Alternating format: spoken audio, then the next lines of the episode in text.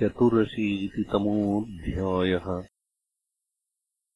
ऋषिगणकृता भगवत्स्तुतिः वसुदेवयज्ञोत्सवः बन्धूनाम् प्रस्थापनादिकम् च श्रीशुक उवाच श्रुत्वा पृथा सुबलपुत्र्यथयाज्ञसेनी माधव्यथक्षितिपपत्न्य उत स्वगोप्यः कृष्णेऽखिलात्मनि हरौ प्रणयानुबन्धम्। सर्वाविशिस्म्युरलमश्रुकलाकुलाक्ष्यः इति सम्भाषमाणासु स्त्रीभिः स्त्रीषु नृभिर्नृषु आययोमुनयस्तत्र कृष्णरामदिदृक्षया द्वैपायनो नारदश्च च्यवनो देवलोऽसितः विश्वामित्रश्चतानन्दो भरद्वाजोऽथ गौतमः रामस्तशिष्यो भगवान् वसिष्ठो गालवो भृगुः पुलस्त्यः कश्यपोत्रिश्च मार्कण्डेयो बृहस्पतिः द्वितस्त्रितश्चैकतश्च ब्रह्मपुत्रास्तथाङ्गिराः अगत्यो याज्ञवल्क्यश्च वामदेवादयोपरे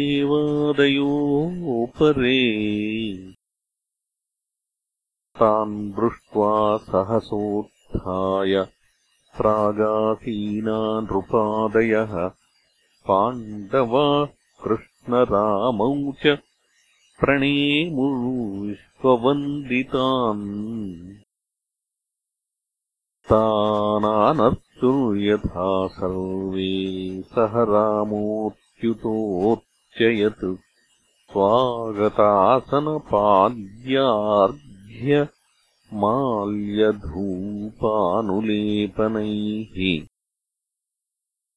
उवाच सुखमासीनान् भगवान् धर्मगुप्तनुः।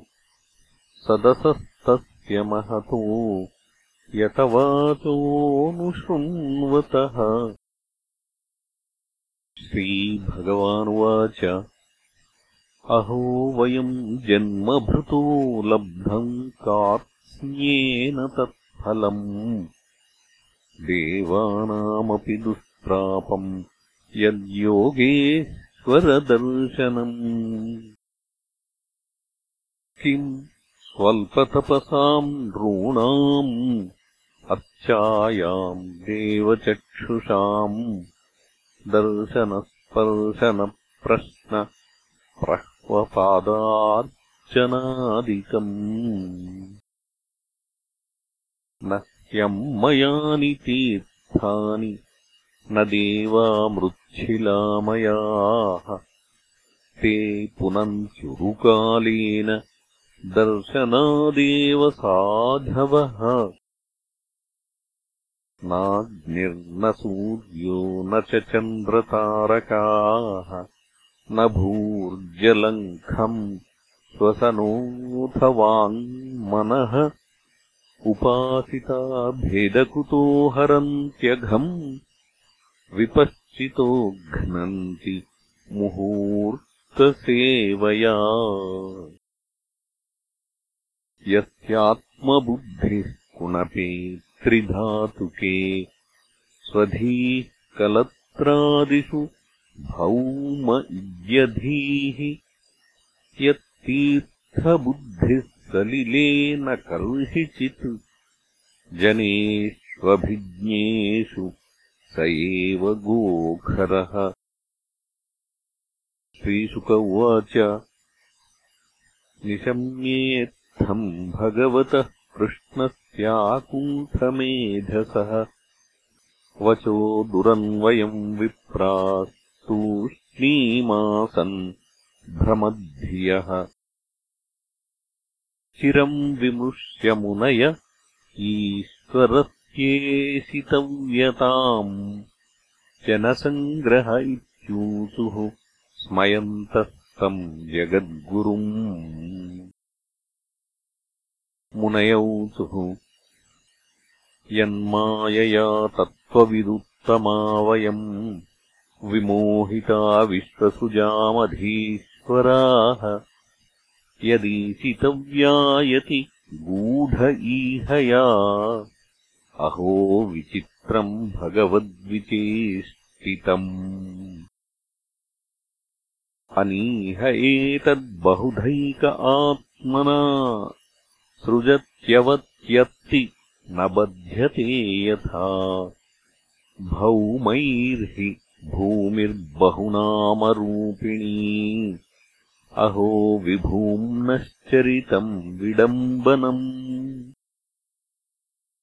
अथापि काले स्वजनाभिगुप्तये बिभर्षि सत्त्वम् खलनिग्रहाय च स्वलीलया वेदपथम् सनातनम्।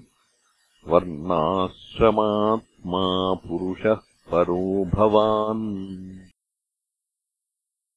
ब्रह्म ते हृदयम् शुक्लम् तपःस्वाध्यायसंयमैः यत्रोपलब्धम् सद्व्यक्तमव्यक्तम् च ततः परम्। तस्माद्ब्रह्मकुलम् ब्रह्मन् शास्त्रयोनेस्त्वमात्मनः स भाजयसि सद्धाम। तद्ब्रह्मण्याग्रणीर्भवान् अद्य नो जन्मसाफल्यम् विद्ययास्तपसो दृशः। त्वया सङ्गम्य सद्गत्या यदन्तः श्रेयसाम् परः नमस्तस्मै भगवते कृष्णायाकुण्ठमेधसे स्वयोगमाययाच्छन्नमहिम्ने परमात्मने नयम् विदन्त्यमी भूपा एकारामाश्च वृष्णयः मायायवनिकात् छन्नमात्मानम्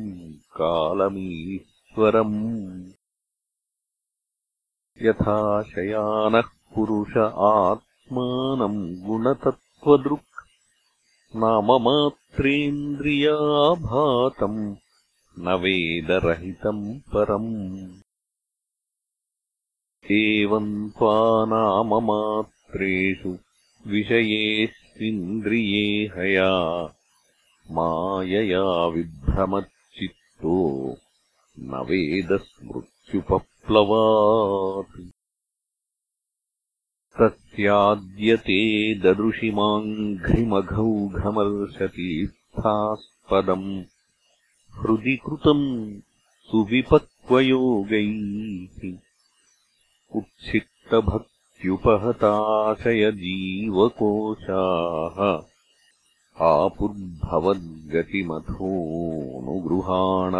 आपुर्भवद्गतिमथोऽनुगृहाणभक्तान्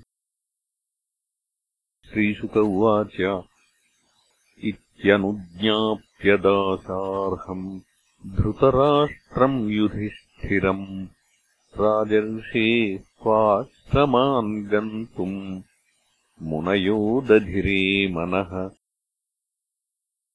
तद्वीक्ष्य तानुपव्रज्य वसुदेवो महायशाः प्रणम्यतोपसङ्गृह्य बभाषेदम् सुयन्त्रितः। वसुदेव उवाच नमो वः सर्वदेवेभ्य ऋषयः श्रोतुमर्हथ। कर्मणा कर्मनिर्हारो यथा स्यान्नः तदुच्यताम् नारद उवाच नातिचित्रमिदम् विप्रा वसुदेवो बुभुत्सया। कृष्णम् मत्वार्भकम् यन्नः पृच्छति श्रेय आत्मनः। सन्निकर्षो हि मत्यानामनादरणकारणम् गाङ्गम् हित्वा यथान्याम्भः तत्रत्यो याति शुद्धये। यस्यानुभूतिः कालेन लयोत्पत्त्यादिनास्य वै। स्वतोऽन्यस्माच्च गुणतो न कुतश्च न रिष्यति तम् क्लेशकर्मपरिपाकगुणप्रवाहैः अव्याहतानुभवमीश्वरमद्वितीयम्। प्राणादिभिः स्वविभवैरुपगूढमन्यो मन्येत सूर्यमिव मेघहिमोपरागैः। अथोचुर्मुनयो राजन्नाभाश्चानकदुन्दुभिम् सर्वेषाम् शृण्वताम् राज्ञाम् तथैवाच्युतरामयोः। कर्मणा कर्मनिर्हार एष साधुनिरूपितः यच्छ्रद्धया यजेन्विष्णुम् सर्वयज्ञेश्वरम् मखैः। चित्तस्योपशमोऽयम् वै कविभिः शास्त्रचक्षुषा दर्शितः सुगमो योगो धर्मश्चात्ममुदावहः। अयम् स्वस्त्ययनः पन्था द्विजातेर्गृहमेधिनः यच्छ्रद्धयाप्तवित्तेन शुक्लेनेज्येत पूरुषः वित्तैषणाम् यज्ञदानैर्गृहैर्दारसुतैषणाम् आत्मलोकैषणाम् देव कालेन विसृजेद्बुधः ग्रामे त्यक्तैषणाः सर्वे ययुर्धीरास्तपोवनम् ऋणैस्त्रिभिर्द्विजो जातो देवर्षिपितॄणाम् प्रभो यज्ञाध्ययनपुत्रैस्तान्यनिस्तीर्य यजन्पते त्वम् त्वद्यमुक्तो द्वाभ्याम् वै ऋषिपित्रोर्महामते यज्ञैर्देवर्नमुन्मुच्य निर्दृणो शरणो भव। वसुदेव भवान् नूनम् भक्त्या परमया हरिम् जगतामीश्वरम् प्रार्च्यः स यद्वाम् पुत्रताम् गतः श्रीशुक उवाच। इति तद्वचनम् श्रुत्वा वसुदेवो महामनाः। तान् ऋषीन् ऋत्विजो वव्रे मूर्ध्नानम्यप्रसाद्य च। त एनम् ऋषयो राजन् वृताधर्मेण धार्मिकम्। तस्मिन्नयाजयन् क्षेत्रे मखैरुत्तमकल्पकैः तद्दीक्षायाम् प्रवृत्तायाम् वृष्णयः पुष्करस्रजः स्नाताः सुवाससो राजन् राजानः सुष्ठ्वलङ्कृताः तन्महिष्यश्च मुदिता निष्ककण्ठ्यः सुवाससः दीक्षाशालामुपाजग्मुः आलिप्तावस्तुपाणयः नेदुर्मृदङ्गपटः शङ्खभेर्यानकादयः। न ऋतुर्नटनर्तक्यस्तुष्टुवुः सूतमागधाः। जगुः सुकण्ठ्यो गन्धर्व्यः सङ्गीतम् सह भर्तृकाः।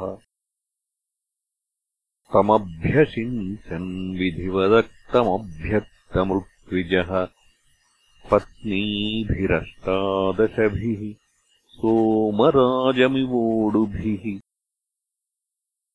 ताभिर्दुकूलवलयैर्हारनूपुरकुण्डलैः स्वलङ्कृताभिर्विबभौ दीक्षितोजिनसंवृतः। तस्य त्विजो महाराज रत्नकौशेयवाससः।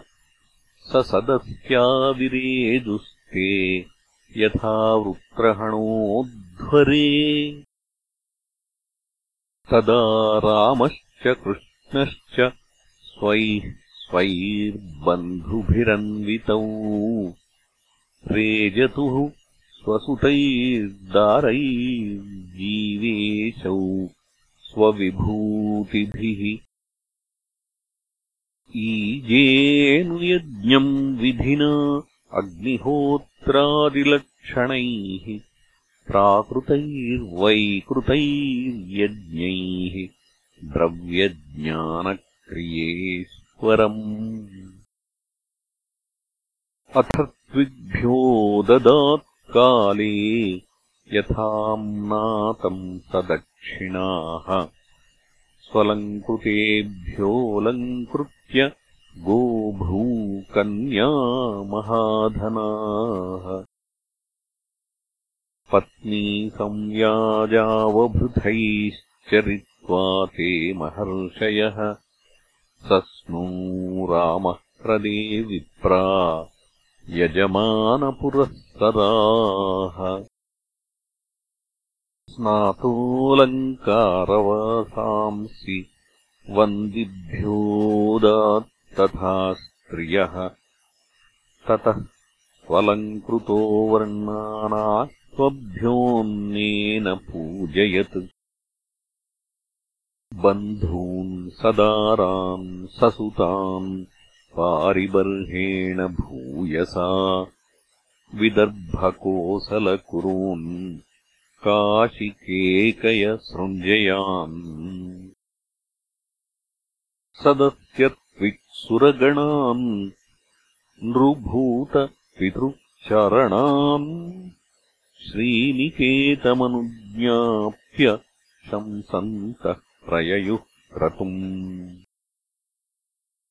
धृतराष्ट्रोऽनुजः पार्था भीष्मो द्रोणः पृथा यमौ नारदो भगवान् व्यासः सुहृत्सम्बन्धिबान्धवाः। बन्धून् परिह्रज्य यदून् सौहृदाक्लिन्नचेतसः ययुर्विरहकृच्छ्रेण स्वदेशांश्चापरे जनाः। नन्दस्तु सह गोपालैर्बृहत्या पूजयार्चितः कृष्णरामोऽग्रसेनाद्यैर्न्यवात्सीन् बन्धुवत्सलः वसुदेवोऽञ्जसोत्तीर्य मनोरथमहार्णवम् सुहृद्वृतः प्रीतमना नन्दमाहकरे स्पृशन् वसुदेव उवाच भ्रातरीशकृतः पाशो नृणाम् यः स्नेहसंज्ञितः तम् दुस्त्यजमहम् मन्ये शूराणामपि योगिनाम्। अस्मास्त्वप्रतिकल्पेयम् यत्कृताज्ञेषु सत्तमैः मैत्र्यर्पिता फला वापि न निवर्तेत कर्हिचित् प्रागकल्पाच्च कुशलम् भ्रातर्वो नाचराम हि अधुना श्रीमदान्धाक्षा न पश्यामः पुरःततः मा राज्यश्रीरभूत्पुंसः श्रेयःकामस्य मानद। स्वजनान्तबन्धून् वा न पश्यति ययान्धदृक् श्रीशुक उवाच एवम् सौहृदशैथिल्यचित्त आनकदुन्दुभिः रुरोद तत्कृताम् मैत्रीम् स्मरन्नश्रुविलोचनः। नन्दस्तु सख्युः प्रियकृत् प्रेम्णा गोविन्दरामयोः अद्य स्व इति मासाम् स्त्रीन् यदुभिर्मानितो वसत्। ततः कामैः पूर्यमाणः सव्रजः सह बान्धवः परार्घ्याभरणक्षौम नानानर्घ्यपरिच्छदैः। वसुदेवोऽग्रसेनाभ्याम् कृष्णोद्धवबलादिभिः दत्तमादाय पारिबर्हम् यापितो यदुभिर्ययौ। नन्दो गोपाश्च गोप्यश्च गोविन्दचरणाम्बुजे मनः क्षिप्तम् पुनर्हर्तुमनीषा मथुराम् ययुः बन्धुषु प्रतियातेषु वृष्णयः कृष्णदेवताः वीक्ष्य प्रावृषमासन्नाम् ययुर्द्वरवतीम् पुनः। जनेभ्यः कथयाञ्चक्रुः यदुदेवमहोत्सवम् यदासीत्तीर्थयात्रायाम् सुहृत्सन्दर्शनादिकम्। इति श्रीमद्भागवते महापुराणे पारमहंस्याम् संहितायाम् दशमस्कन्धे उत्तरार्धे चतुरशीतितमोऽध्यायः